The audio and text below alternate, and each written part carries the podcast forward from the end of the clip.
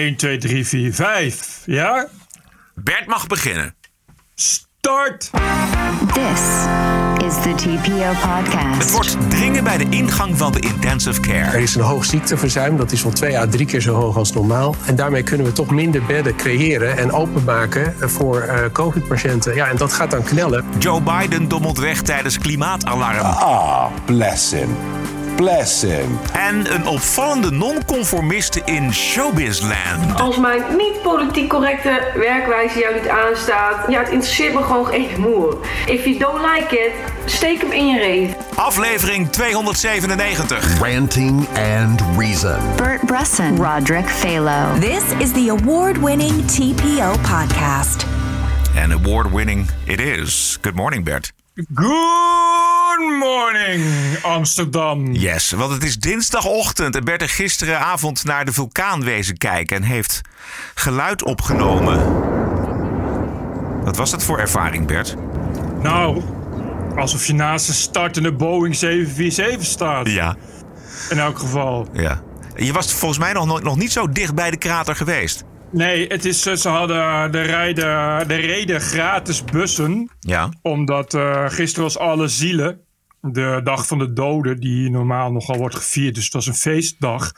Dus afgelopen weekend en maandag reden er gratis bussen voor toeristen. Om toeristen te vervoeren naar eh, ja, het uitkijkpunt in, eh, in eh, El Paso. En dat is ja, eigenlijk op 100 meter van de weg. Die is afgesloten. En dan op 300 meter van de eerste gestolde lava En wat zie je dan voor landschap? niet zwart.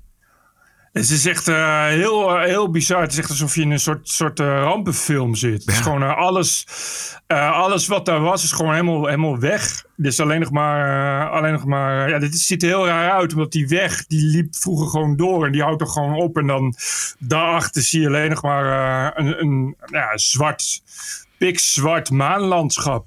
En dat was vroeger allemaal groen en, en met gewassen en, en huisjes erbij. Gewoon En een, nou, veel erger, dat was vroeger gewoon allemaal bebouwd. Dus dat was eh, gewoon een dorp. En eh, alles is gewoon helemaal weg. En eh, dat hele gedeelte van het eiland is nu helemaal, helemaal onder de as. Dus op het moment dat je de tunnel uitkomt die oost met west verbindt, zie je alleen maar overal, alles is zwart. En, eh, en, en centimeters as. Dus en die mensen daar die zijn er gewoon elke dag bezig met, met, met 15 centimeter as van een daken verwijderen en zo. Het is, het is echt een soort nachtmerrie. En het is ook allemaal as in de lucht. Dus het is allemaal heel dystopisch. Ja. Eh, maar ja, het is wel eh, spectaculair om te zien. Het is eh, dinsdagochtend 2 november. Dit was het NOS-journaal vandaag 14 jaar geleden. Zoals gezegd, de dader was gekleed in traditionele moslimkledij. Het is een 26-jarige man die de dubbele nationaliteit heeft. De Nederlandse en de Marokkaanse. Hij was bekend bij de politie, maar zou zich alleen aan een licht vergrijp schuldig hebben gemaakt.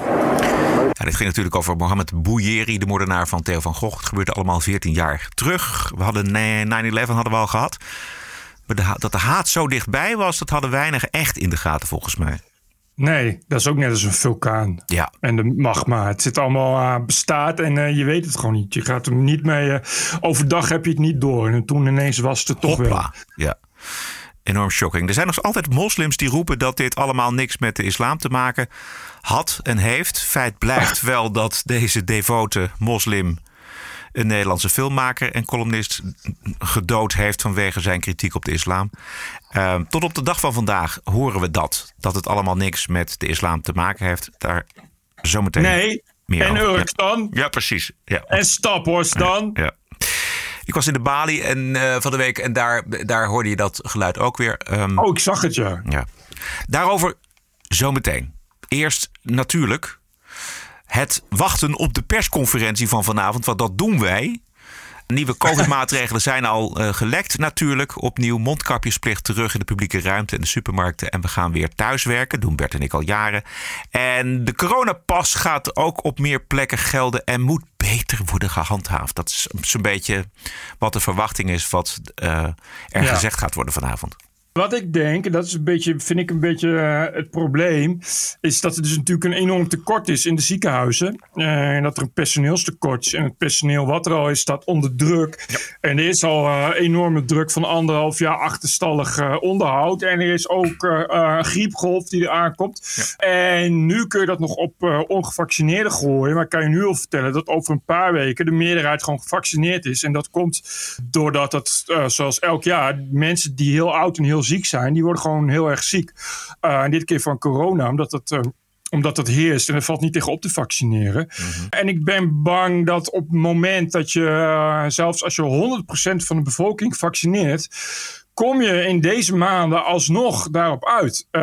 Want in andere jaren is het zo rond de wintermaanden ook al heel druk in het ziekenhuis vanwege de griepgolf.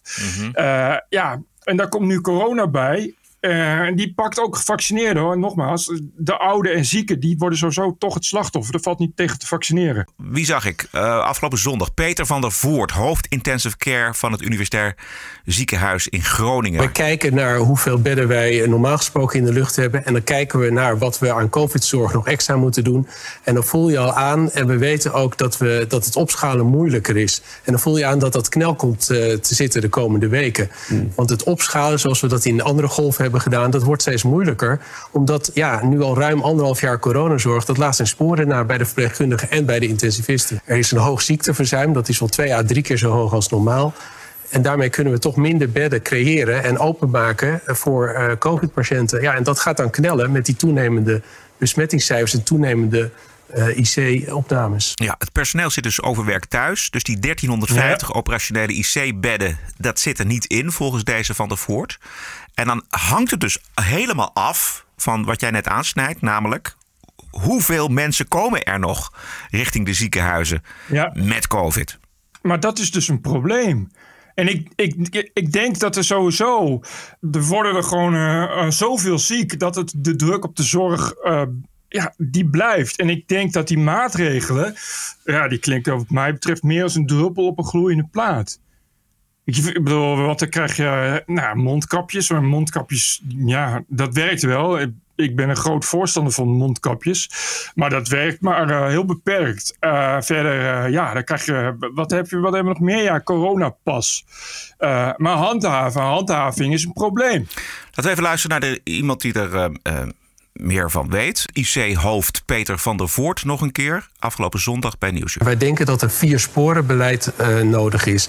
En het eerste is dat je eh, zelf gewoon, eh, al dan niet door overheid afgedwongen, dat je kijkt wat kan ik doen om besmetting te voorkomen. En dan gaat het over afstand houden, hygiëne, mondkapje gebruiken, dat soort zaken. Het tweede spoor, dat is dat je kijkt naar de ongevaccineerden. Die zijn nu toch voor het merendeel de patiënten op de intensive care. Zo'n 70 procent, denk ik. Hè? 70, 80 procent. De laatste meting was t- 83 procent.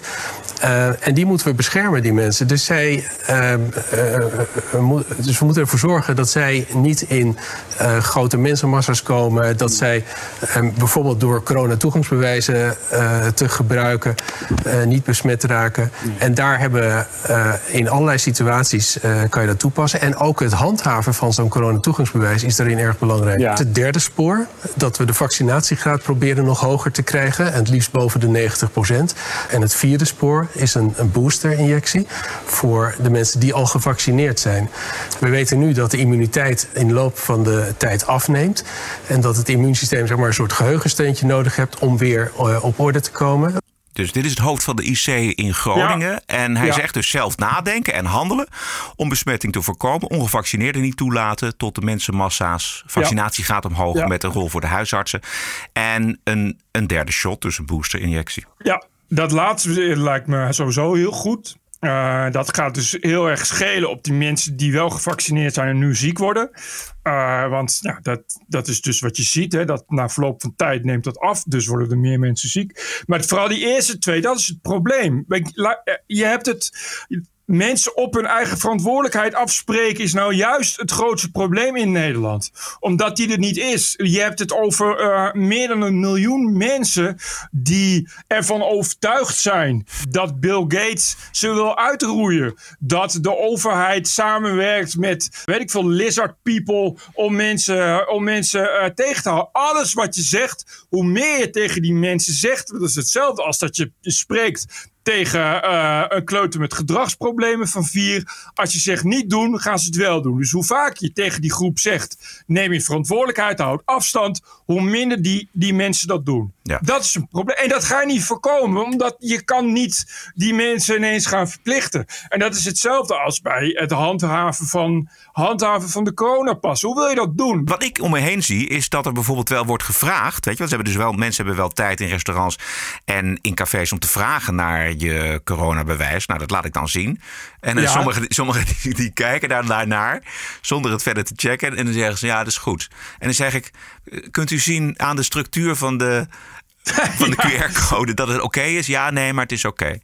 Dus daar wordt, daar wordt ook niet echt op gehandhaafd. Terwijl er wel tijd in wordt gestoken om te vragen naar die QR-code. Hoe makkelijk is het om dan eventjes die, dat scanapparaat op mijn telefoon te leggen en te zien of het uh, groen kleurt of niet? Ja, we leven natuurlijk in een gedoogcultuur waar alles maar. Ja, Precies. Ach. Ja, en dat ga je niet oplossen. En je hebt dus ook nog mensen, want jij noemt inderdaad de Bill Gates en de conspiracy mensen. Maar je hebt natuurlijk ook nog gewoon de mensenklasse vandaag verhaal in de Volkskrant van een zoon en een moeder. En die zoon heeft zich laten uh, vaccineren, de moeder niet. En die moeder zegt, nou, ik, ik vertrouw het vaccin nog niet, want het is me allemaal te snel gegaan. Dus het zijn ook, hè, er zijn ook, ja, ik, ik noem het allemaal altijd maar de redelijke mensen die zich niet laten vaccineren, die zijn er ook nog. Maar het zijn, het zijn er inderdaad een miljoen of meer.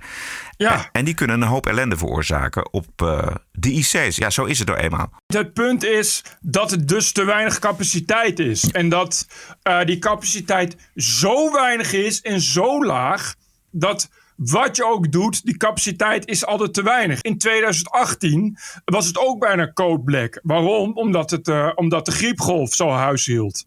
Dat ga je nu weer krijgen, uh, plus COVID. Ernst Kuipers zat gisteravond bij Nieuwsuur. Chef ziekenhuiscapaciteit is hij. Die 1350 heb je nodig. Minister, hou er nou rekening mee. We moeten echt sturen dat we daar niet bovenuit komen. Mm. Dus dit is copy-paste. Exact hetzelfde als wat vorig jaar oktober ja, gebeurde. Over maatregelen ja. gesproken. Wij hebben deze week, afgelopen week, een reconstructie laten zien van het Nederlandse coronabeleid. Daar komt u ook in voor, daar zegt ja. u.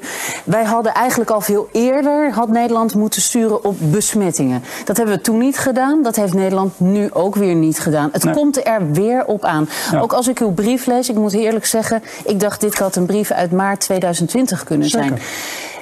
Het gebeurt allemaal weer opnieuw. Ja. Het komt allemaal weer op het allerlaatste ja. moment. Dus Hoe kan dat? We zijn ondertussen, ja. er werd net even genoemd, maar als je naar alle pieken kijkt, dan kun je zeggen dat dit de zesde golf is. Het is de derde winter dat we ermee bezig zijn.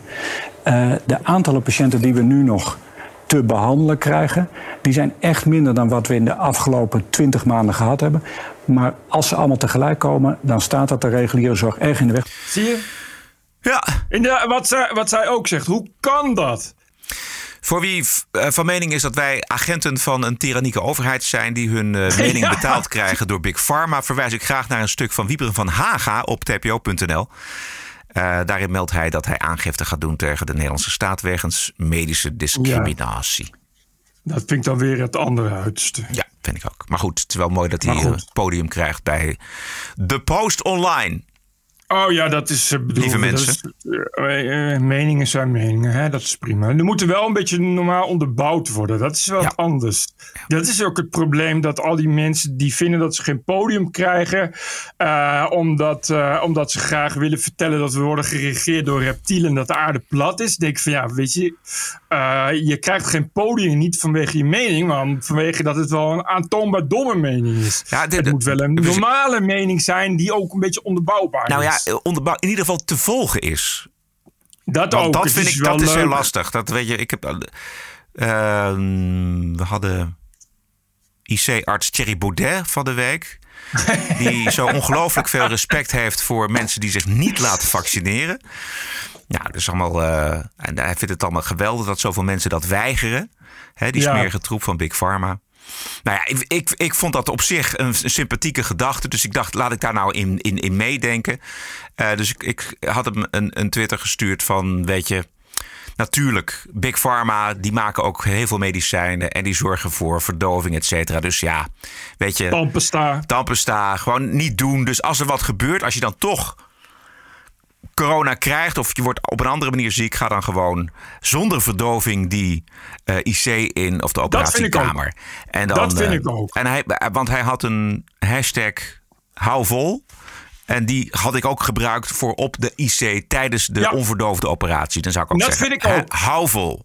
Nee, ik vind ook als je tegen Big Pharma uh, en Big Pharma zakvullerij bent, dan zeg ik oké, dat, dat vind ik helemaal prima, maar dan uh, weet ik nog wel wat waar je, wat je kan boycotten. Ja. Dat is best wel veel. Dat is echt, dan moet je ja, zeg maar in de middeleeuwen gaan leven. Ja. Maar dan moet je als je kiespijn hebt, dan gaan we naar de chirurgijn. Hè, dan gaan we met een tang slaan we je kies eruit. Dan gaan we niet zeggen, ja, mag ik een verdoving? Ja. Want er is maar één bedrijf die die verdoving maakt. En dat heet Big Pharma. Op Twitter is het echt... En ik, oh man, op Facebook. Oh. Ik, het is, en dat begint toch wel eh, eh, ernstige trekken. Ik, telkens als de NOS op Facebook een bericht geplaatst met hele echt eenvoudige cijfers die van het RIVM sta- zijn. En er staat er niks. Er staat er alleen maar het RIVM zegt dat er zoveel besmettingen zijn. Daar is dus niet eens, dat is niet eens de schuld van de NOS. Die geven alleen maar cijfers door, heel keurig allemaal. Daar komen daar meer dan 10.000 reacties onder van mensen die zeggen dat de cijfers gelogen zijn. En dat het vaccin eh, de reden is dat mensen ziek worden en doodgaan. Meer dan 10.000 reacties. En al die mensen doen dat onder hun eigen naam. Met hun eigen foto, inclusief een foto van hun hond en hun kinderen. En ik vraag me af of je als NOS niet eens een keer moet gaan zeggen... Hmm, misschien willen we eigenlijk wel niet op Facebook staan. Want elke keer als wij daar wat plaatsen, dan zwengelen wij iets aan waar we eigenlijk helemaal niet Ja. achter kunnen staan. Ja. En dat heeft TPO wel gedaan. Daarom heeft TPO.nl geen Facebookpagina meer. Aha. Ik was het helemaal zat. Ja, dat begrijp kon ik heel gewoon goed. niet Nee, meer tegen. is- ik nee, kan gewoon niet meer tegen al dat antifax gelul. Dus ik ben helemaal klaar met Facebook. Ja, heel goed. Fuck Facebook. Volkskrant, er, ook ernstig, schreef dat huisartsen zich uitspreken, die zich uitspreken voor vaccinatie, bedreigd worden met intimidaties. En zelfs een kogel door een, kogel ruit door krijgen. ruit. Nou, jongen, met tekst als serieus, die gast snij ik nog persoonlijk de strot door. Dit gaat dus over huisartsen. Dokter Mengelen, Ja, ik- kan iemand die dokter Oh, man. omleggen? Ik bied alvast du- eh, duizend euro. Het is onvoorstelbaar. En het gevolg is zelfcensuur onder artsen. Ik Anno- vind echt, als je een kogel door de ruit van een huisarts schiet... of vanwege zijn mening, dan moet je minimaal tien jaar de cel in. Ja, dat Dan vind moet ik je ook. ook niet, moet je ook niet, niet ineens verzachtende omstandigheden. Dan moet je ook zeggen, wij als overheid gaan hier, is, is wel gewoon een grens. Juist. Eh, en ik vind, wat ik bedoel, als het lukt om eh blokkeervriezen keihard aan te pakken. En als het lukt om mensen die iets vinden van Sylvana Simons te achterhalen Juist. als de hoofdcommissaris van Amsterdam. Persoonlijk naar Sylvana Simons opbeeld om te zeggen. eh, ik heb comments gelezen op Facebook. Ik ga ze persoonlijk achterhalen wie dat zijn. Dan verwacht ik vandaag nog een telefoontje van eh, de korpsbeheerder in Nederland naar die huisarts. Om te zeggen: ik ga er persoonlijk achteraan om te achterhalen wie dat zijn. al die anonieme lafbedjes opsporen en keihard straffen. Ik ben dat tuig echt zwaar Ik zat. ook. Ik ben het zo zat dat ik eh, per direct voor eh, een verbod op anonimiteit op Twitter en Facebook ben. Ja, ik ben het En ook, ook, ook YouTube. Man, man, man, man, man. Als je leest wat daar voor bagger wordt geplaatst. En waarom gaan die mensen kijken naar onze podcast als ze zich wild ergeren? Luister eens, ik, dit is één ding wat met al die dingen eh, hetzelfde is. Is dat het allemaal wordt veroorzaakt door social media. En ik vind echt dat dat probleem veel en veel groter is dan, dan dat dat nu wordt gedaan. Ja. Dat is echt een probleem van onvoorstelbare proporties. En, eh, en, en dan wordt er gezegd.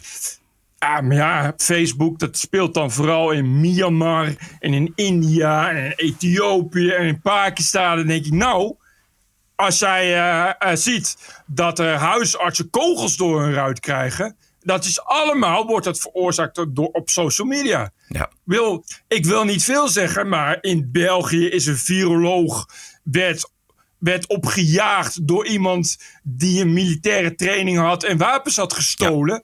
Die krijgt op Facebook eh, een steunpagina met meer dan 40.000 likes. Op, dan kan je niet anders concluderen dan dat het iets is wat eh, door social media wordt veroorzaakt. Ik vind echt dat is iets als anderhalf jaar, in de anderhalf jaar iets duidelijk is geworden, is er ook hoe groot het probleem voor social media is voor iedere democratie Ja. en voor iedere maatschappij. En ik vind dat we daar best vaak over mogen hebben. En dan, eh, je kan daar heel goed over hebben. Ik las van het weekend een hele mooie rij essays, verschillende meningen eh, in de Wall Street Journal over wat te doen met Facebook. En daar zijn heel veel verschillende meningen over. Eh, en dat debat eh, lijkt hier gewoon volledig weg te zijn. Alsof het, alsof het niets is, alsof het prima is. En daar mag je toch wel eens wat langer naar kijken dan alleen maar te zeggen: ja, het, eh, we moeten nou eenmaal mee leven en het is nou eenmaal. Zat er iets tussen wat, wat jou aansprak? Ja, het meeste, het meeste is toch wel. eh, er was eigenlijk maar één of twee die zeggen van we moeten niks doen. En het is altijd geweest.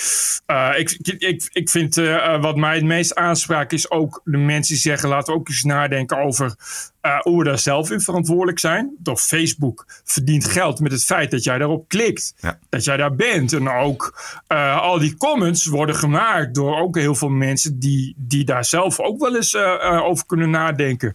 Wat ze daar zeggen. En verder, ja, je moet toch eens moet je gaan kijken naar wat doen die algoritmes. We weten dus dat Facebook dat bewust zo doet, dat bewust zo aanstuurt. Eh, en dat is bij YouTube niet anders hoor. Bij YouTube is de beste manier om je filmpje heel vaak te laten bekijken, is door clickbait. Eh, en YouTube recent hebben ze dat iets aangepakt, hè, zodat je minder vaak terechtkomt eh, in, in een of andere konijnenhol waarin je binnen drie filmpjes leert dat de aarde plat is en, en dat iedereen een, een lizard is behalve jij. Dus het is iets beter geworden, maar het is nog steeds hetzelfde, want het is natuurlijk de reden is dat YouTube wil dat je blijft hangen. Hè? En dat doe je alleen omdat je opgevonden raakt, omdat je actief wordt en omdat je aan iets ergert. En bij Facebook net zo. En daar, daar moet je iets je moet daar op zijn minst over hebben. Je moet op zijn minst dan kunnen zeggen: wa- wat is er eigenlijk aan de hand dat, dat die social media en zoveel macht heeft, maar en het feit dat social media kennelijk eh, heel veel winst kan maken, om heel veel mensen kan vasthouden met dat soort dingen. Want wij maken die eh, social media bedrijven rijk. Onze kliks en onze. Het is allemaal, Exact. Het is allemaal commercie. En dan nu, als eh, komt Zuckerberg met zijn meta en zijn metaverse. Ja. En dan denk ik, dit is een mooi moment om dan eens te gaan waarschuwen aan mensen. Wat gebeurt er in die metaverse als dat er over tien jaar is en als iedereen eraan verslaafd is? Ja. Dat betekent namelijk dat Mark Zuckerberg, wat hij nu van je weet, is kinderspel bij wat hij dan straks van je weet. Dat betekent dat Mark Zuckerberg aan je gezicht kan zien wat jij wil. Ja. En Gruwelijk, jouw, ja. jouw, jouw gezicht herkent en jouw gezicht in een database heeft. En adverteerders aan jouw gezicht kunnen aflezen waar jij naartoe op weg bent. En je kan dan straks alleen nog maar virtueel met iemand vergaderen. eh, voordat een adverteerder jou heeft verteld wat jij, wanneer jij wat wil gaan kopen en jou daar op een hele sluwe manier kan gaan beïnvloeden. En ik vind dat je daar als overheid dan ook eens een keer wat over mag zeggen. Waarvan akte? TPO Podcast. Ik was zaterdag gefouilleerd en wel en met QR-code de hele dag in de Bali. eh, bij het, Oh, eh, dat is eh, etnische profilering natuurlijk. Ja. Daar was het eh, Vrijdenkersfestival. Drie fragmenten. Eerst de Iraanse vrouwenrechtenactiviste Mashi Alinejad. Ongelooflijk dappere vrouw. Wordt eh, bewaakt. Het Iraanse regime heeft geprobeerd haar te ontvoeren. En zij sprak onder meer over de laffe houding van westerse politici en journalisten. die het niet willen hebben over de verplichte hoofddoek. Want islamofobie en Geert Wilders in de kaart spelen. They say that um, we thought this is the culture of your country because we've been told by many educated academics and journalists uh, who live here in Netherlands, in Europe, and they've been telling us, don't touch this issue. This is a very sensitive issue. This is part of the culture. And most of the women in Iran, they choose to wear it. And that's why we wear this hijab when we go to your country out of respect to your culture. I said that forcing a seven year old girl to wear hijab, and if she says no, she won't be able to get an education, you calling this part of our culture? This is an insult to a nation. Then they come with strong argument, as they say. If we talk about this, we're going to cause Islamophobia. So basically, when I say no, I don't want to be forced to wear hijab, I'm causing Islamophobia. But those who get me to prison, who lash me, no, no, they're not ruining the image of Islam. They're doing the you know right thing. Look, this is stupid.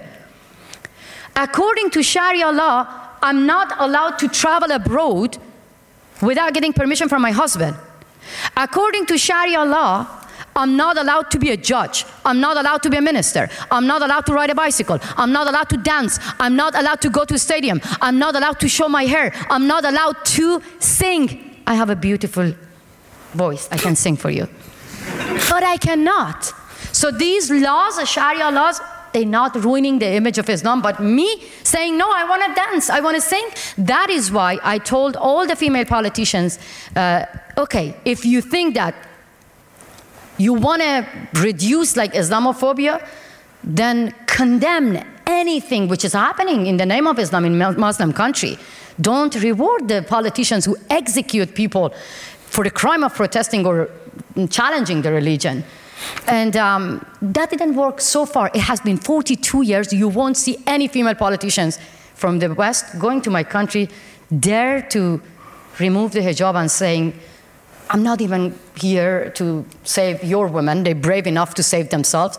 I want to stand for my own dignity. You're no one to tell me what to wear. Westerse journalisten zeggen gewoon, ja, maar het is no big deal. Many uh, Western journalists actually ask me that this is a small piece of cloth. I said, hey, imagine you won't be allowed to come to this room because you don't cover yourself. What would you do? You say, oh, this is a small issue? You won't exist in Iran as a woman. You won't get a job. You won't get driving license. You won't exist in the eyes of the regime. And then if you remove it purposely, you get lashes, you go to prison. One of the mm, journalists from West came to New York to interview me, and then she said, "Let's talk about." He said, "Let's talk about bigger problems because honestly, Middle East has got so many bigger problems." I had my camera, my weapon with me, and I had a headscarf as well. So I took it off and I put it in his head, and I said, "Cover this." Cover your hair and let's talk about bigger problems around the world. And then he was like, Me? Now? I said, Yeah, this is a small issue. Don't, don't even challenge it. Wear it, wear it. and then he did, and he was like, Oh my God, at the moment that I wore this, I lost the control. I said, That's it. Het is ongelooflijk, jongen. De verplichte hoofddoek, zeggen ze dan, dat hoort bij jullie cultuur. De vrouwen doen het vrijwillig. We hebben het er uh, niet over, want islamofobie. Diep laffe, antifeministische, vrouwonvriendelijke lafaards zijn het. Zoals die westerse journalisten, vrouwelijke politici... die met een hoofddoek op in Teheran verschijnen. Stel je voor, het is ook echt... Dat, dat moet je maar eens voorstellen. Ja, dat je, uh, wat je ook gaat doen, altijd een doek op je hoofd moet. Ja, een man bepaalt dat. We zijn toch zo voor de vrouwen? Nou, en dat is ook, dan moeten vooral mannelijke journalisten. Nou, dus, doe maar eens een doek op dan. denk maar eens dat je een week lang, wat je ook doet, altijd een doek op moet. En dat als je dat niet doet, uh, ja, dat je het risico loopt te worden gemarteld en opgepakt. Ja. Te worden geslagen. Doe dat, doe dat maar eens. Maar het is onvoorstelbaar dat al 42 jaar, wat zij zegt, weet je, al 42 jaar zijn de moela's aan de macht in Teheran. En al 42 jaar wordt er gebogen en wordt er geknipt en wordt er geroepen respect en kijk uit voor islamofobie. Sigrid Kaag, die daar dan op bezoek is in, in Teheran, die heeft niet eens door hoe ze zichzelf vernedert met een hoofddoek op. Ik zag vandaag dat de Europese Raad in samenwerking met de EU met een nieuwe propagandacampagne zijn gekomen die vrijheid en vrije keuze voor vrouwen met een hoofddoek moet bevorderen. Ja. Dus nu krijg je, zag ik een plaatje van een, een aankleedpop en dat is dan een moslima. En dan kun je dan zeg maar kiezen wat ze aantrekt. Wel of geen hoofddoek. En de boodschap is dan, ze moet toch zelf weten wat ze, wat ze aantrekt. Vrijheid is zelf kunnen kiezen wat je aantrekt. Terwijl die campagnes doen het tegenovergestelde van emanciperen. Die doen het tegenovergestelde van vrijheid promoten. Jongen, ik, ik kom heel vaak in de Schilderswijk in Den Haag. Dat is, die bestaat volgens mij voor 80% uit moslims. Daar zie je kleine meisjes van 6, 7, 8 jaar met een hoofddoek oplopen. Dat is hun keuze niet. Die wordt gewoon opgedaan. Daar worden, worden meisjes van 6, 7 jaar al geseksualiseerd. Die moeten al een hoofddoek dragen. Sowieso, hoofddoek is nooit een vrije keuze. Je kan wel zeggen, ja, maar het is mijn vrije keuze om hem te dragen. Ja, maar het is jouw vrije keuze om te kiezen voor iets wat sowieso een plicht is. Namelijk iets wat is verzonnen. Namelijk een, een, je kan niet zeggen, ja, het is een vrije keuze. Nee. Het is namelijk binnen de islam geen keuze. Je kan niet zeggen, oh, het is niet zo dat, dat, dat de profeet heeft gezegd... oh, je kan als vrouw kiezen, wel of niet, maakt niet uit. Nee, het is, je hebt de vrije keuze om je te onderwerpen aan een niet-vrije keuze. Precies, en als je het niet doet, hebben we allemaal kunnen lezen in het boek van Lale Gül, dan ben je een slet, dan ben je een hoer, Ja, dan word je, precies. word je uitgestoten uit de gemeenschap. Zo vrijwillig is een hoofddoek. Wie zaten er nog meer in de balie? S'avonds eh, was er een debat waarin onder andere ja 21 politica Annabel Nanninga spijkers met koppen sloeg, moet ik zeggen. Eerst eh, wisselde een, een dominee, een rabbijn en een imam wat religieuze beleefdheden uit. En daarna vier raadsleden. Een van Denk, van GroenLinks, CDA was er. En eh, ja, 21 dus. En het ging over vrijdenken. En dit is Annabel. Iedere religie of eh, ideologie of eh, politieke stroming moet bekritiseerd en bespot kunnen worden. Dat is beschaving. Dat is essentieel. Mijn onvrijheid zit erin dat ik in de jaren bij geen stijl alles en iedereen, iedere denkbare bevolkingsgroep, eh, ook groepen waar ik zelf toe heb t- behoor, eh, heb, heb beledigd, heb bespot en grappen over gemaakt. En ik ging me toch knap onvrij voelen toen daarna de bedreigingen binnen begonnen te stromen. En die kwamen echt maar uit één hoek. Ik heb grappen over Joden gemaakt, over de oorlog, over, over christenen heel veel, over katholieken. Hè, dat misbruiksschandaal, eh, daar schreef ik veel over. In niet mis te verstaande bewoordingen. Maar die onvrijheid die ik voelde op het moment dat je iets over islam zegt. Nou, dat, dat is wel interessant. Eh, een, een cartoon van een koorknaapje met een crucifix in zijn kont van Jos Collignon. In het kader van die misbruiksschandalen. Dat is een heel terechte cartoon.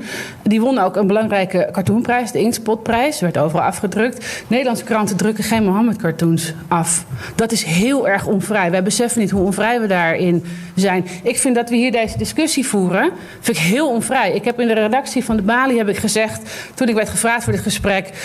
Jongens, ik heb er eigenlijk geen zin in. Want dit gesprek, dit voeren we als een Steven van dood is. Er is helemaal fucking niets veranderd. Dat vind ik beklemmend.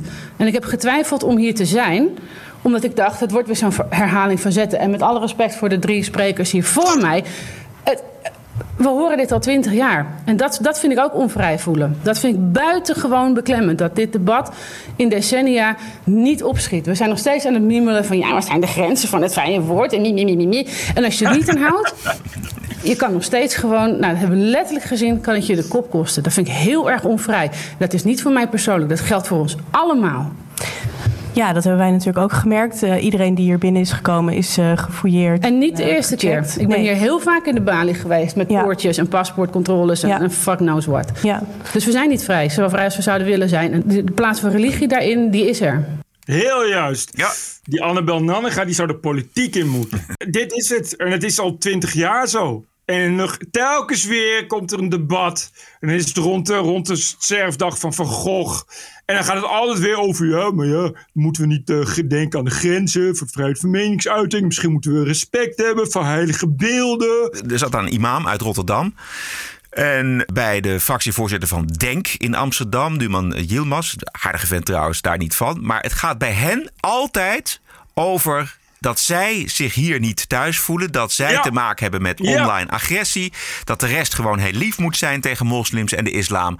Ook als het gaat om terreurdaden en dreigementen van moslimradicalen. Want, Ja. zeggen ze dan, geweld komt van alle mensen. Kijk maar naar Anders Breivik in Noorwegen. Oh, en anders blijf ik dan. ja. De reden dat je eh, kennelijk eerst moet worden gefouilleerd voordat je naar de balie gaat, is niet Breivik, denk ik. Ja. Maar zolang moslims daar niet zelf aan willen, ze niet zelf verantwoordelijkheid nemen voor hun eh, radicale geloofsgenoten, dan gaat dat niet veranderen. Dat klopt. Maar dat gaat ook niet veranderen. In eh, islam is geen verandering mogelijk en ook niet zichtbaar. Hooguit is er, en dat, is, ik lees, dat lees ik eh, nu, dat er in, zeker in voormalig seculiere gebieden als Turkije, dat de nieuwe generatie jongeren mo- moet weinig hebben van de islam. Maar ja, dat zie ik in Saoedi-Arabië en eh, Qatar eh, nog niet zo snel gebeuren. En hier in het Westen is dan het probleem volgens mij vooral ook de schaamtecultuur, waar ik van de week een groot stuk over las. Schaamtecultuur dat het nooit aan hen ligt. Dus dat er als er uit naam van de islam terreurdaden en bedreigingen plaatsvinden, dat het dan vooral, eh, daar moet je het dan vooral niet over hebben binnen de Nee, de islam is liefde, vrede en tolerantie. En kritiek is islamofobie. Precies. This is the TPO podcast. Komende twee weken wordt in Glasgow het klimaat gerepareerd. Niet de voornemens, maar de Amerikaanse president ging viraal. Wegdommelend tijdens de speech van eh, Prins Charles notabene. Nigel Farage gaf al een heel grappig commentaar bij de beelden op Jimmy News. Sleepy Joe, who really, really struggled in the early part of the afternoon. Um, Sleepy Joe, because he does tend to fall asleep pretty easily. Have a look. There he is. Ah, bless him. Bless him. Quite how he's leader of the free world is completely and utterly beyond me. But you know what?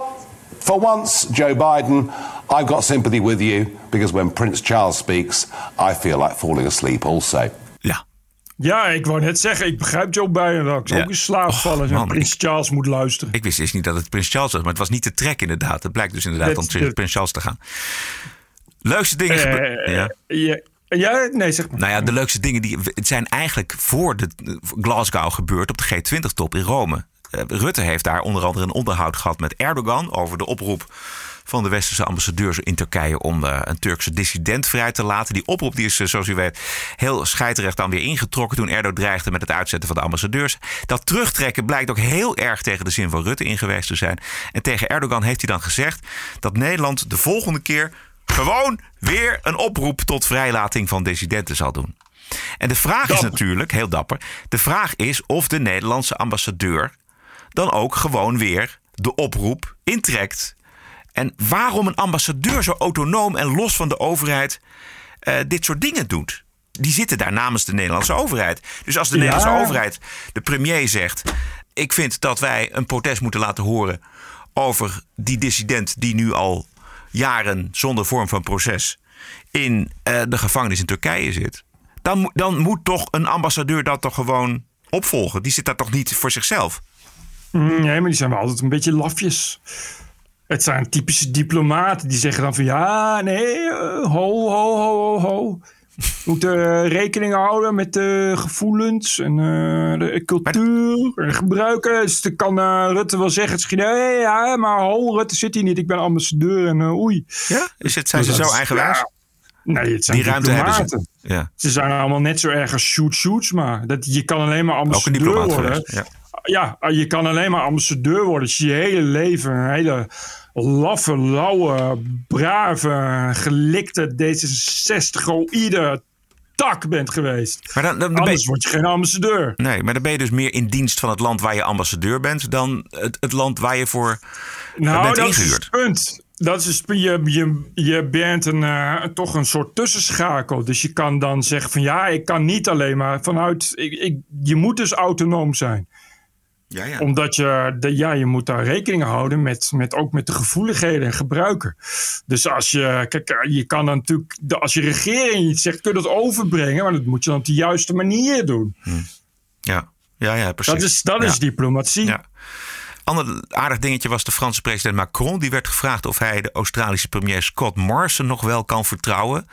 Want, we weten het natuurlijk, Frankrijk was toegezegd dat ze 12 duikboten voor Australië zouden gaan eh, maken. En dat is toch Ja. een eh, flinke order van 32 miljard euro. Nou, die, order, Ja. die order ging niet door wegens een nieuwe deal tussen Australië en de Verenigde Staten.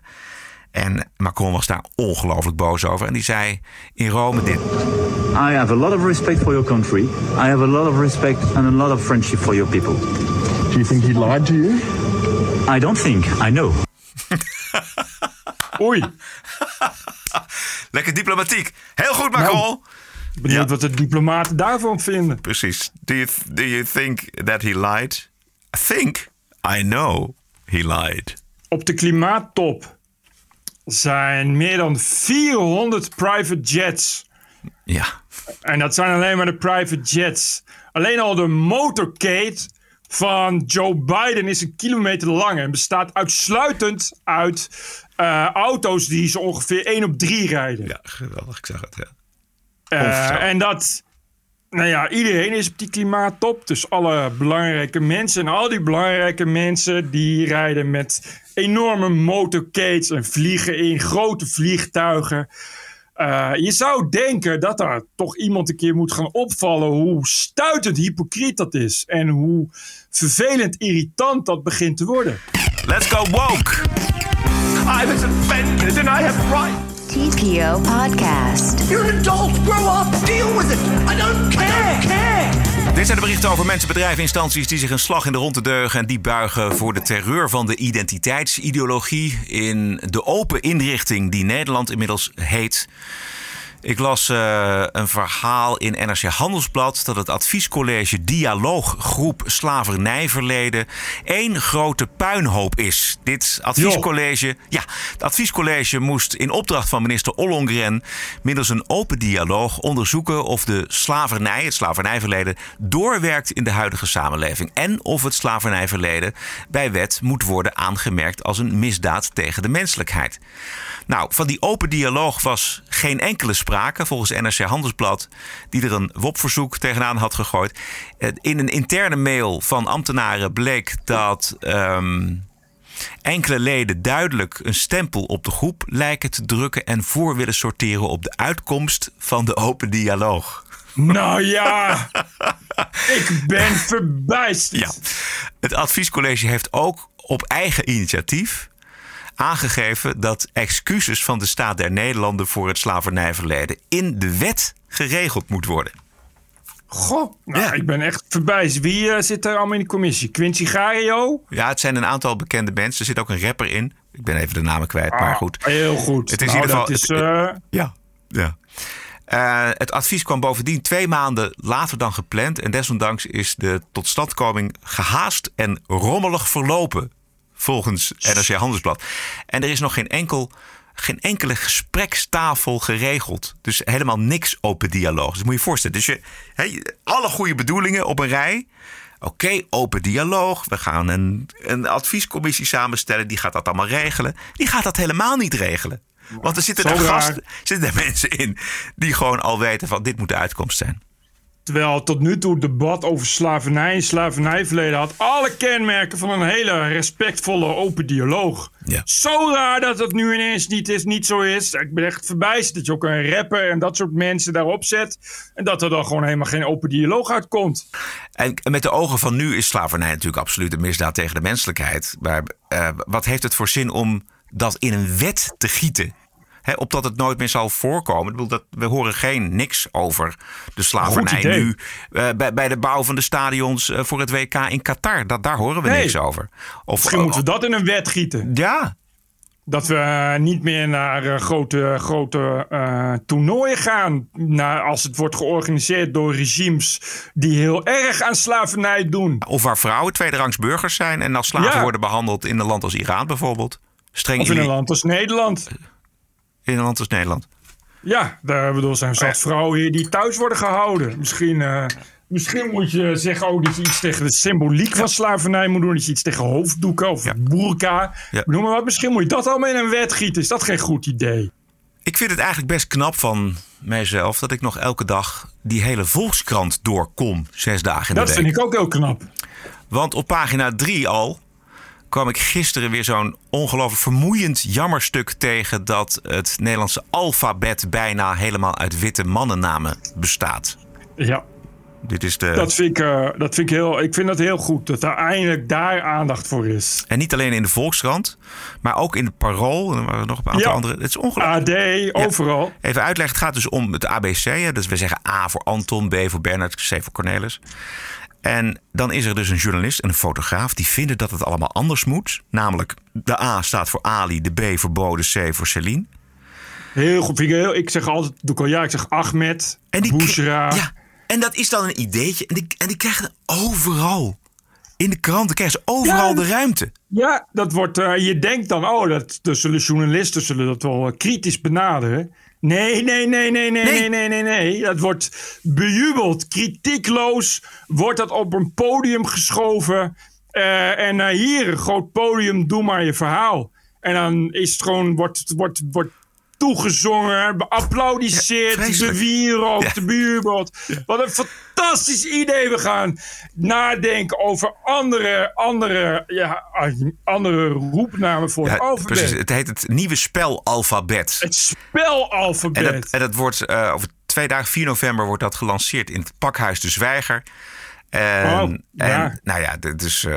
Ja, Hoe weinig je met je leven te doen moet Nou, hebben. Wil je je ja. bezighouden Nou. met een nieuw spelalfabet. Op zich is dat dan artikel waard. Dat je dan zegt van... eh, hoe zit dat? Heb je de afgelopen anderhalf jaar alleen maar in lockdown gezeten? We kunnen toch gewoon het NATO-spelalfabet. Alpha, Bravo, Charlie, Ja, Delta. Echo. Foxtrot. Wat is daar mis mee? Dat is zo genderneutraal als neten en iedereen kan het onthouden. Juist, heel goed gezegd, Bert. We hebben in Nederland een Johannes Vermeerprijs. Dat is een staatsprijs voor kunstenaars. Eh, de prijs gaat deze week naar schilder Natasha Kensmil. Dat is ah, haar van harte gegund. Maar de prijs is geheel volgens de verwachting gedoopt in de code diversiteit en inclusie van de Raad voor Cultuur. En die Oh, code, leuk. Die code die bepaalt dat alleen nog kunstenaars en onderwerpen van kleur in aanmerking komen voor subsidie en voor prijzen. Goed zo. Maar daar horen we in de reportage van eh, Nieuwsuur helemaal niks over. Voorzitter van de jury is oud-PSP-politica André van Es. De jury heeft unaniem gekozen voor eh, Natasha. En daar hebben een aantal dingen een rol gespeeld. Onder andere een kunstenaar, een schilder, die kijkt naar het erfgoed en daar eigenlijk heel vernieuwende dingen mee doet. Wat leuk! Wat mooi! Ja, goed hè? Wat Geweldig. hartverwarmend Ja. dit! Ja. Oh, en onverwacht ook, Bert. Zo onverwacht. Eigenlijk commentaar geeft op dat erfgoed. Ja, ja. Wat leuk. Commentaar, dat zal, dat zal toch niet over het slavernijverleden gaan? vraagt onze Hollandse geschiedenis. Omdat zij ook het deel kent van de Hollandse geschiedenis dat het allerduisterst is. Waarin mensen werden onderdrukt en verkracht en gemarteld en vermoord en in slavernij gebracht. Dat het nu samenvalt met een debat, maatschappelijk debat, is ah, heel goed. Omdat het ook ons helpt om daar opnieuw en meer en beter en genuanceerder over na te denken. Wat mooi genuanceerder nog, nog genuanceerder. Dat vind ik echt eh, heel goed. De jury van de Johannes Vermeerprijs, die zich helemaal stijf marcheert in de code diversiteit en inclusie van de Raad voor Cultuur. Ik denk dat zij ook eh, eh, die, die prijs, die jury, die kan ook niks anders. Weet je wel. Die code diversiteit en inclusie Nee. van de Raad voor Cultuur, daar is geen ontkomen aan. En er is geen enkele rebellie, er is helemaal geen autonomie. Het is gewoon voor de hand liggend en er zit geen verrassing meer in. Het is te afschuwelijk. Ja, dit klopt. dit klopt. En, eh, maar dat, dat zo'n nieuwsuur daar dan ook niet één vraag over stelt. Hè? Het is toch wel heel toevallig dat dat, dat in de code is- diversiteit en inclusie staat van de Raad voor Cultuur. Waren er ook nog andere gegadigden? Eh, Gaat het alleen maar over slavernij? Nee, maar het, is, het probleem is echt dat eh, in de kunst- en cultuurwereld is dat toch helemaal niet. Het nieuwsuur vind ik is echt enorm veranderd. Met, met, met die nieuwe oranje, hoe heet die? hoofdredacteur. Dat is het heel goed. Het is echt, eh, ja, nou, dat is een. eh, vroeger was het toch al wel een beetje. Dat je dacht van, kijk nou, propaganda of een kritisch journalistiek programma. Ik vind het echt heel erg een goede verandering. Het zit er bovenop, kritisch, maar het is in, die- in dit soort journalistieke werelden, als het over kunst en cultuur gaat, is dat nog helemaal, ja, is het nog eh, 1830. Weet je, er is helemaal geen idee dat daar misschien ook eens een keer eh, eh, wat, wat vernieuwing in kan optreden. Nee, is niet- ongelooflijk politiek Het is correct. vreselijk politiek correct. Geen, op geen enkel haar, op geen enkel hoofd die daarover denkt om dat eens kritisch te benaderen. Van, goh, is misschien eigenlijk niet een beetje raar dat telkens dit soort dingen winnen? Is het niet een beetje, een beetje gestuurd door, door de subsidie? Ja, is toch interessant? Ja, is toch journalistiek interessant? Precies, sowieso moeten we de subsidie niet eens een keer eh, eh, in vraag stellen bij kunst en cultuur. Goed dat de Kirak is, zou ik dan maar zeggen. Ja, precies. Het eh, fascistische tuig ter linkerzijde in het Verenigd Koninkrijk is een boycott gestart van nota bene de dakloze krant. Dat heet The Big Oh, Issue heel daar. Eh, waarom? Omdat er een interview met een eh, bekende Britse dame in stond. Die had zich eerder uitgesproken voor de ambitie van de Labour-leider, de nieuwe, om nou eens eindelijk korte metten te maken met het antisemitisme in die partij. Het is een bericht van onze man in Londen. Dat is natuurlijk het schrijnende oproep om geen krantjes meer te kopen van daklozen. Hen dus het brood uit de mond te stoten, omdat er een, interview met iemand in die krant je niet aanstaat. Linkse mensen die het goede moeten voor hebben met daklozen. Nee, we vinden het zo fout dat er een interview in dat krantje staat. We roepen op tot een boycott. Wat was fout aan het interview? Want antisemitisme is goed of zo. Het is helemaal in die richting van Labour. Dus Corbyn, die de islamitische afdeling van Labour en de woke afdeling van Labour dat allemaal toedekte en uh, te vriend hield. En nu zit er dus een nieuwe uh, opvolger van Corbyn. En die zegt: nee, wacht even. Het antisemitisme in de partij is zo ernstig. Daar moeten we korte metten mee maken. En als je dus ja. zegt: van nou, dat vind ik een goed idee. Dan word je door die andere kant van Labour helemaal afgemaakt. En daar moeten dus in dit geval de daklozen, die een centje bijverdienen met die krant, onder lijden. Heel goed, maar cancelen. Ook de daklozen. Hup, iedereen kapot cancelen. Ik had nog een andere tip gekregen van onze man in Londen. Namelijk een van de oprichters van Monty Python, Terry Gilliam. Uh, ja. Die is gecanceld door een van de beroemdste theaters in Londen, die Old Vic. En waarom? Volgens de Times omdat enkele stafmedewerkers van het theater hun zorgen hebben geuit over enkele meningen van Gilliam. Hij zou stafleden gekwetst hebben met zijn meningen, zijn grappen over Harvey Weinstein en transpersonen. Getsie, dat moeten we niet willen. Cancelen, meteen cancelen. Hup. Op de brandstapel. Ja. En, en, dat dan zo'n baas ook zegt: Oké, okay, goed, als, als jullie je gekwetst hebben gevoeld, dan doen we hem niet. Dommer kan het ook. Ja, dommer kan niet. Dommer, dommer, Alsof, dommer kan niet. Terwijl ik Gary Gilliam, die is volgens mij in de tachtig of zo. Alsof hij ja. daar dan wakker van ligt. Alsof hij dan zegt: Oh nee, sorry, ga ik mijn tweets weghalen. Weet je, oké. Okay. Uh, Tamara Benima, de uh, uh, rabbijn, Nederlandse ja. rabbijn, uh, die had de lezing De Reden van Friesland. Dat was een hele goede lezing. Dat ging ook heel veel over woke. Het ging namelijk over vrijheid. dus het ging ook over woke, hoe onvrij woke is. Maar ze had ook een kort citaat waarin ze een vergelijking maakte tussen. ja, het naziregime en de coronamaatregelen. Dus toen was daar alleen maar ophef over. Ophef, ophef, ophef. Overal ophef. Alle Joodse organisaties, want ja, ze is een rabbijn, hè, die namen afstand van haar en die gingen huilie, huilie op de grond. Woede, ophef. Terwijl, ik weet niet, ik, ik heb die lezing integraal gepubliceerd en helemaal gelezen. Het ging toch voor 80% over hoe onvrij woke bijvoorbeeld is. En over hoe onvrijheid tegenwoordig eigenlijk heel normaal is. En hoe vrij denken kennelijk ook in Nederland steeds lastiger wordt. Ja, één, één issue werd eruit gehaald en het was uh, paniek in de tent.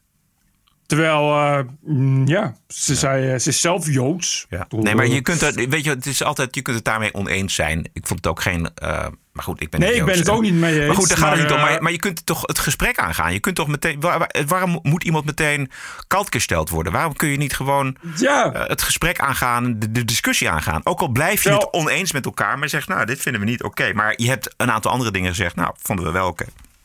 Terwijl, uh, terwijl uh, uh, het was een lezing en je probeert daar dus iets mee. Ik bedoel, je kan een elk verhaal vertellen, maar het is leuk als je bij zo'n lezing, die, die dan natuurlijk over iets gaat, die natuurlijk in een thema staat, ja.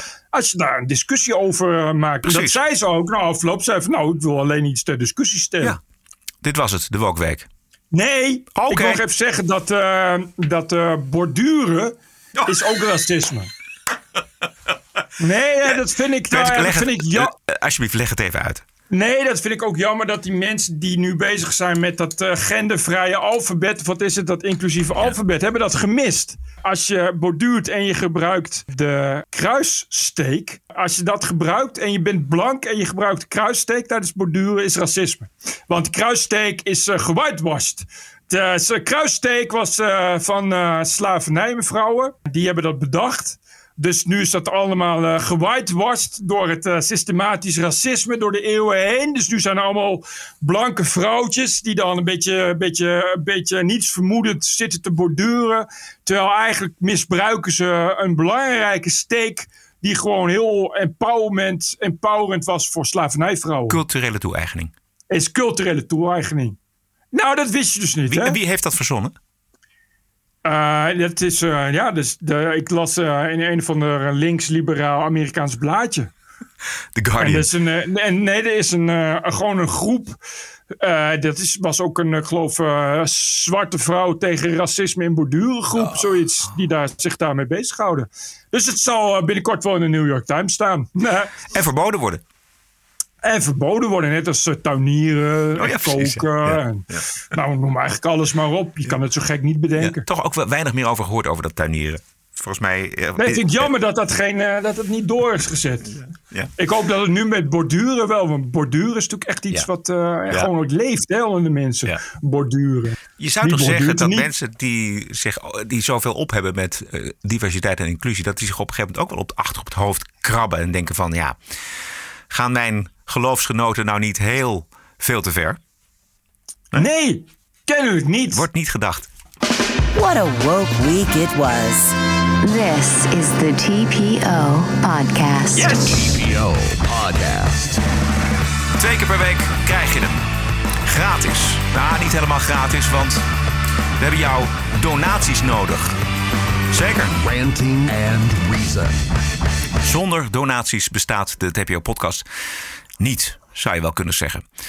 Ik heb heel veel, want eh, ik kwam er nog een paar tegen in de spam. Oh, leuk. Peter, H, Bert en Roderick. Tijdens een vakantie met mijn vriend Bram heeft hij mij een aflevering van de TPO-podcast laten horen. Samen zaten we in de auto hardop te lachen om jullie scherpe analyse en duidelijke meningen. Ik herkende mezelf in jullie gesprekken en ik ben daarom sindsdien een trouwe luisteraar geworden. Eh, even kijken, omdat ik wil dat jullie dit blijven doen en ik graag op de hoogte blijf van alle onzin die zich afspeelt heden ten dagen, doneer ik vanaf nu jullie een euro per aflevering. Groeten, Peter. PS, Bram, als je dit hoort, het is ook jouw beurt om geld te doneren. Goed gedaan, Peter. Dankjewel. Eh, iemand wiens naam niet genoemd hoeft te worden. Heren, mijn naam hoeft niet genoemd, maar jullie hebben dit dik verdiend.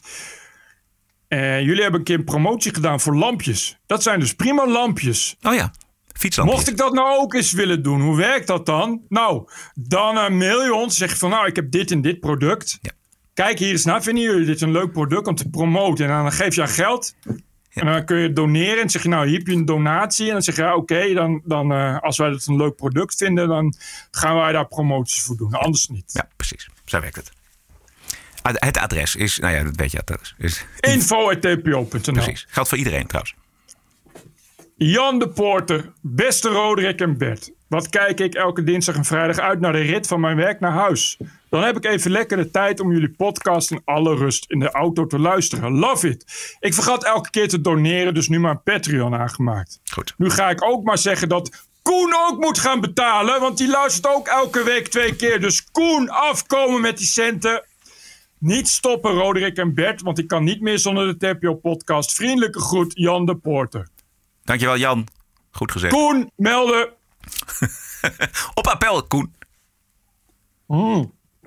Arie Pieter van Wensveen. Heren, Velo en Brussen. Om niet te vervallen in de gebruikelijke complimentenregen die jullie in dit soort reacties ten deel valt, volsta ik met een citaat vrij naar even. Het is gehoord, het is niet onopgemerkt gebleven. Dus oogtijd voor een donatie. Keep up the good work met vriendelijke groet. Arie Pieter. Dank, Arie. Goed. En nu komen weer de felicitaties van de vorige keer. Oh ja. Gijs, Ja, want we waren jarig. we waren jarig, vorige aflevering. Gijs van der Klei. Heren, van harte gefeliciteerd. Zojuist 50 Pietermannen overgemaakt. Neem er eentje op me en keep up the good work. Met vriendelijke groet. Gijs. Olmo. En Anne-Marie. Beste Bert en Roderick. Bij deze een donatie vanwege jullie verjaardag. En als troost voor het onterecht niet winnen van een van de Nederlandse Podcast Awards. Ik wil jullie ook bedanken omdat dankzij jullie het mij een stuk minder tijd en moeite kost om aan mijn vriendin Annemarie het volgende uit te leggen. Wat nou het ding was met Gamergate, waarom Antifa net zo kut is als neonazies, waarom Trump's not that bad en Biden wel, wat de politieke stroming liberalisme echt inhoudt, wat een terf is en dat Martin Bosma geweldig is. Ergo, ik mansplain er lekker op los. En inmiddels is ook Annemarie groot fan van jullie. Dus nogmaals bedankt en van harte gefeliciteerd. Mazzel, Olmo en Annemarie. En oproep aan alle luisteraars die geen TPO Plus abo hebben. De bijdragers van Geert Dales, Herman Brusselmans, Hans van Willigenburg, Constantijn Roelofs en Bassioff zijn essentieel om Nederland te snappen. Dit klopt. Mooi. Bedankt Olmo. Dank. Veel Ah, jullie blik. Ah. Onze vaste fan, jullie blik. Beste Bert en Roderick. Foei! Toch niet op tijd jullie gefeliciteerd met jullie verjaardag. Alsnog van harte. Ik luister natuurlijk altijd en ben een enorme fan. Mijn betalingen bleken hapsnap te zijn. Dus nu heb ik eindelijk structuur aangebracht en een vaste donatie van 10 euro per maand geregeld. Ik ben het eens met een van de eerdere reacties dat jullie best meer geluid mogen maken over de podcast. Meer delen, hashtags gebruiken, etc. Ook de links van een aantal van de belangrijke topics die jullie in iedere podcast bespreken eronder plaatsen zou top zijn. Mensen kunnen dan zelf teruglezen wat jullie bespreken. Dank en ga zo door, Julie Blik. Julie, dankjewel. Julie. En Julie, Julie. Dank voor de, eh, de suggesties. Want eh, ja, dat is zo. Dat kan eh, beter. Gaan we doen. Dat gaan we doen, misschien. Ooit. Kees uit Winterswijk. Heren, zojuist maar weer een kleine bijdrage gedaan. Maar daar mail ik niet voor. Via deze weg wil ik mijn broer even zeggen dat het hartstikke mooi is. Dat hij hard moet lachen om Bert zijn tirades. Maar dat hij in ruil daarvoor dan ook wel een keer een donatie er tegenaan mag gooien. Dus bij deze. Basje, ook jij even een keertje dokken. En anders laat ik je binnenkort een uur lang verplicht naar de extreem linkse wookwaanzin van de Nieuws PV op Radio 1 luisteren. Dat zal hem leren. Succes verder mannen met vriendelijke groeten. Kees uit Winterswijk in de mooie Achterhoek. Geweldig, Kees. Basje, Basje, melden. En de laatste van eh, Robin Groenewijk. Hier hem. Beste Bert en Roderick. Allereerst nog van harte gefeliciteerd met jullie verjaardagen. Inmiddels durf ik mezelf een trouwe luisteraar van jullie podcast te noemen. Dat betekent dat jullie podcast van waarde voor mij is. En om deze reden heb ik maar weer een paar tientjes overgemaakt. Ga zo door met de show, heren. Top dat deze nu tweemaal per week wordt aangeboden. Met vriendelijke groet. Robin, hier hem. Juist. Robin, helemaal gelijk heb je. De vraag is, wat is het je waard?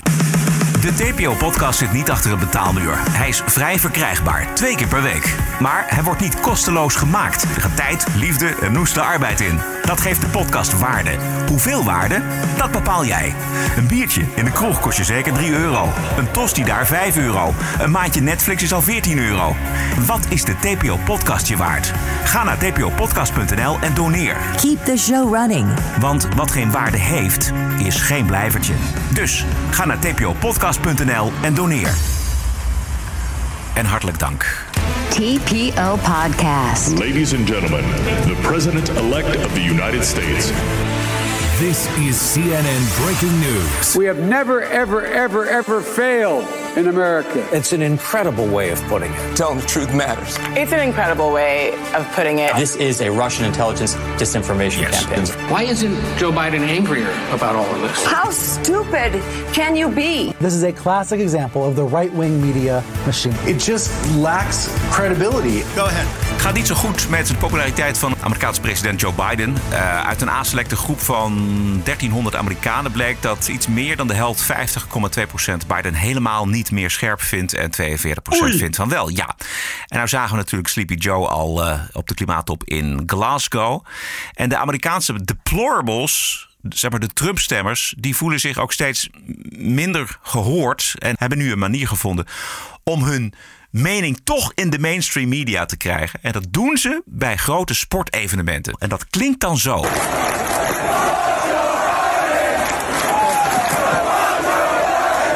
Fuck Joe Biden. Ja, dat begint echt een rage te worden in Amerika. Uh, Let's go Brandon is dat. Nou precies, ja, dit is ook zo prachtig. Het, is, het was dus een, inderdaad een Brandon die... Uh, dat is Brandon, hoe heet hij? Nou, dat is in ieder geval Brandon, Brandon Brown. Hij is een stockcar racer. Yep. En die kreeg, hij had dus, werd dus geïnterviewd live. En de interviewster, die dacht... Yep. hoe ga ik hier in godsnaam mee om? Thank you to all of our partners. Oh my God, it's just such an unbelievable moment. Brandon, you also told me, as you can hear the chants from the, the crowd, Let's go, Brandon. Brandon, you told me you were going to kind of hang back those first two stages and just watch and learn. What did you learn that helped you there in those closing Ja, laps? ze praten maar overheen. God, it was all... Ja. Ze zingen dus fuck Joe Biden. Ja, precies. En dat is, eh, het, zijn- het is nog steeds niet bekend of ze het echt niet hoorden of dat ze eh, in paniek dan maar dat ervan maakten. Ja, ze, maar, ze klonk vrij oprecht, moet ik zeggen. ja, dat vond ik dus ook. Maar het is wel eh, echt een meme geworden. Je hebt nu ook overal patches en shirts met Ja. Let's Go Brandon. het is echt super grappig geworden. Ja. En het, het spre- verspreidt zich dus over heel Amerika, weet je. Dus bij al die sportwedstrijden, of ze nou live worden uitgezonden of dit, maar daar, daar klinkt dan dit. En eh, je had ook een omroeper bij een van die, eh, in die zo'n stadionomroeper, die dan vroeg van, kunnen, kan het wat minder? Kunnen jullie wat minder Let's Go Brandon zeggen? hè? Ja, zo goed. Right. Nou, hebben we alleen nog een bonus quotebeurt. Oh, daar ben ik heel benieuwd naar. Want Ja. het was heel leuk hoor. Ja, dat was wel leuk. Wacht even, zet ik eventjes alles klaar. Jingle. TPO Podcast. Ja, twee bonusquotes. Eh komen van iemand die in een hoek van de media zit waar wij nooit komen. De showbiz. En niet dat we daarop neerkijken, maar het boeit ons gewoon niet zo heel erg welke vriendinnen André Hazes heeft en met hoeveel vrouwen Marco Borsato vreemd gegaan is. Eh, behalve als het verteld wordt door ex-musicalster Yvonne Koldewijer. Op haar eigen YouTube-kanaal Live of Yvonne. En het leuke aan Yvonne is, zij zegt alles. Recht voor zijn raap. Ze is bovendien heel goed geïnformeerd en heeft scheid aan wat anderen van haar vinden. Het geluid is niet al te best, maar we kunnen er goed volgen. En er is niemand die haar kan stoppen. Ik ben hier nog steeds voor jou op YouTube. Voor de juice. En op Insta voor de juice. Oké?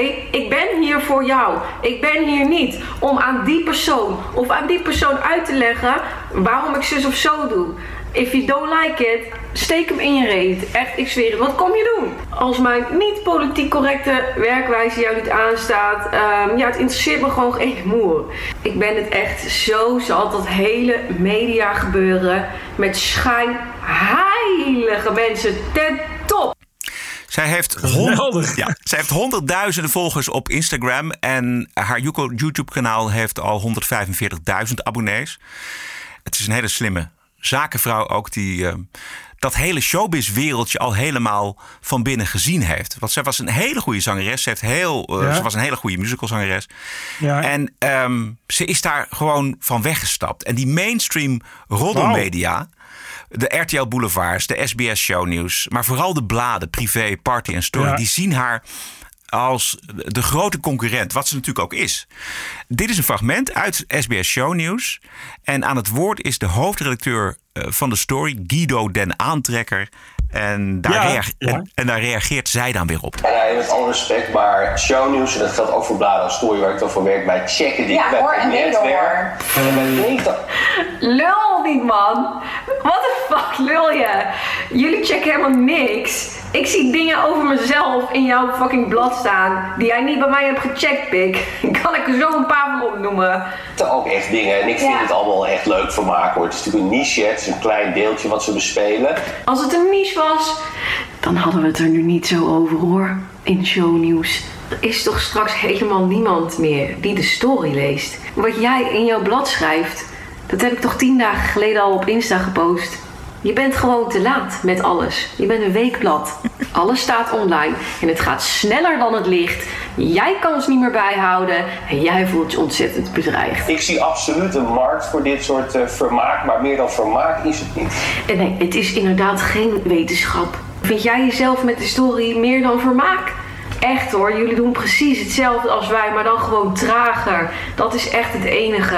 Jullie zijn echt niet veel ethischer bezig dan wij of zo. Jullie zijn ook gewoon ordinaire roddelbladen. Wij zijn al meer dan decennia bezig. We weten hoe de hazen lopen. Deze mensen zijn zangeres geweest of iets anders hebben misschien in een programmaatje gezeten. Die gaan vanuit hun, hun kamer waar ze normaal de was doen, gaan ze dit doen. Nou prima, hartstikke leuk. Maar we moeten het niet te serieus nemen. Guido den Aantrekker. Jij mag zo denigrerend over mij doen als je maar wil.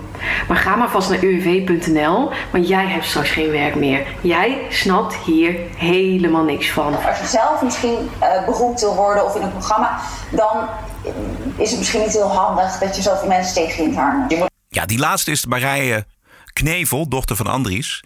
En zij is adjunct hoofdredacteur van Linda.nl. En Oh, zij, I know. zij raakt met, met die laatste opmerking de kern. Als je jezelf nog beroemd wil maken, als je de programma's en de roddeljournalisten en alle andere BN'ers nog nodig hebt, dan is het niet zo handig om iedereen tegen je in het harnas te jagen, zegt zij. Maar dat is nou juist zo goed en zo leuk aan Yvonne Koldewijer. Die dat allemaal al gehad heeft. En die scheid heeft aan het geslijm en het gekruip. En gewoon kan vertellen wat er werkelijk aan de hand is met al die narcistische, gestoorde, aandachtsgeile BN'ers. Exact. En eh, ze heeft natuurlijk gewoon gelijk. Dat Die, die, zowel, zowel die roddelbladen als showrubriek, ja, die, zijn, eh, die gaan eh, elk jaar, eh, we hebben die minder, elk jaar minder kijkers, elk jaar minder lezers. Ja, daar doe je niks aan. Er is een nieuwe generatie en de enige die nog de story leest, dat zijn bejaarden en die gaan allemaal dood. Ja. Ja. Maar ook, de- dit klopt precies wat je zegt, maar ook dus die, die instelling, die mentaliteit van hè, we zijn allemaal gezellig met, met z'n allen BN'ers en we komen daar in de programma's en we mogen Albert Verlinde niet voor de voeten lopen en we mogen die, moeten we te vriend houden. Maar zij heeft waanzinnig veel succes op haar eh, Instagram-account, want zij, ze knalt echt alle nieuwtjes waarvan zij zeker kijk- weet dat het klopt, knalt ze online.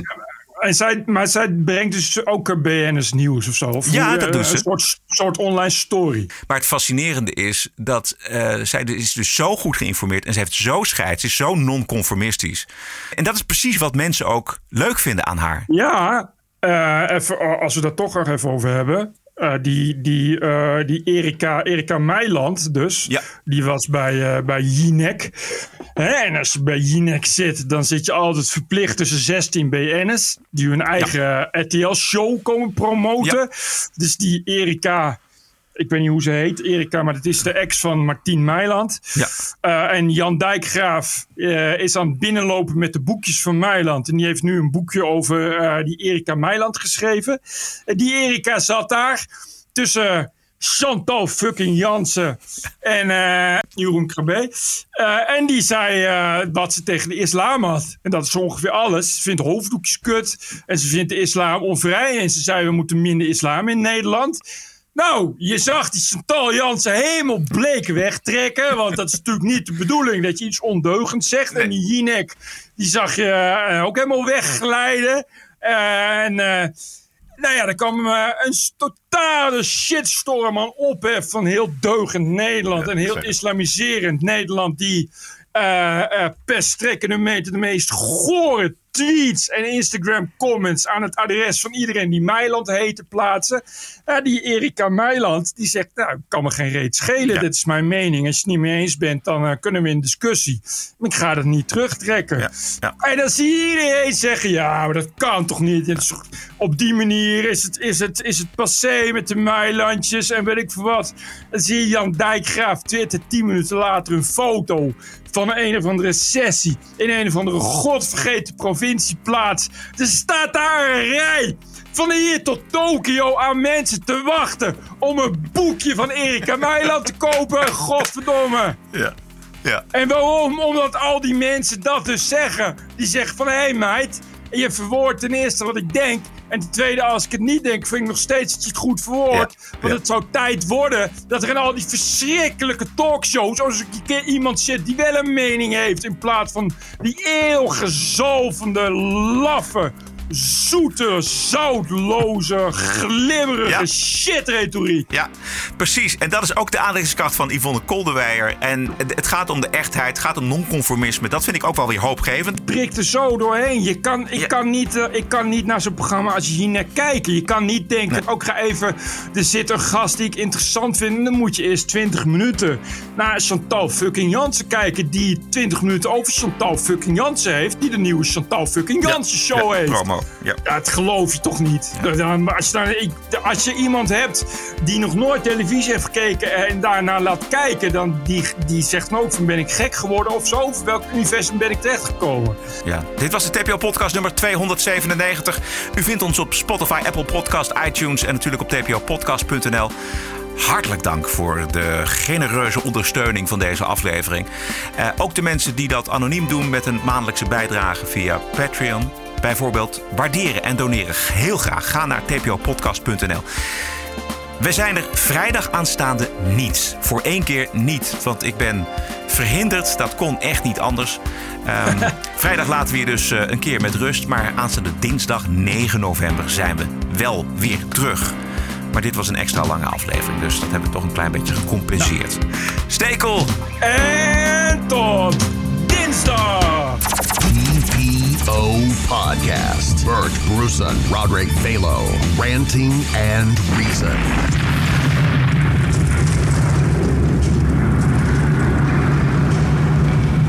Ik ben hier nog steeds voor jou op YouTube.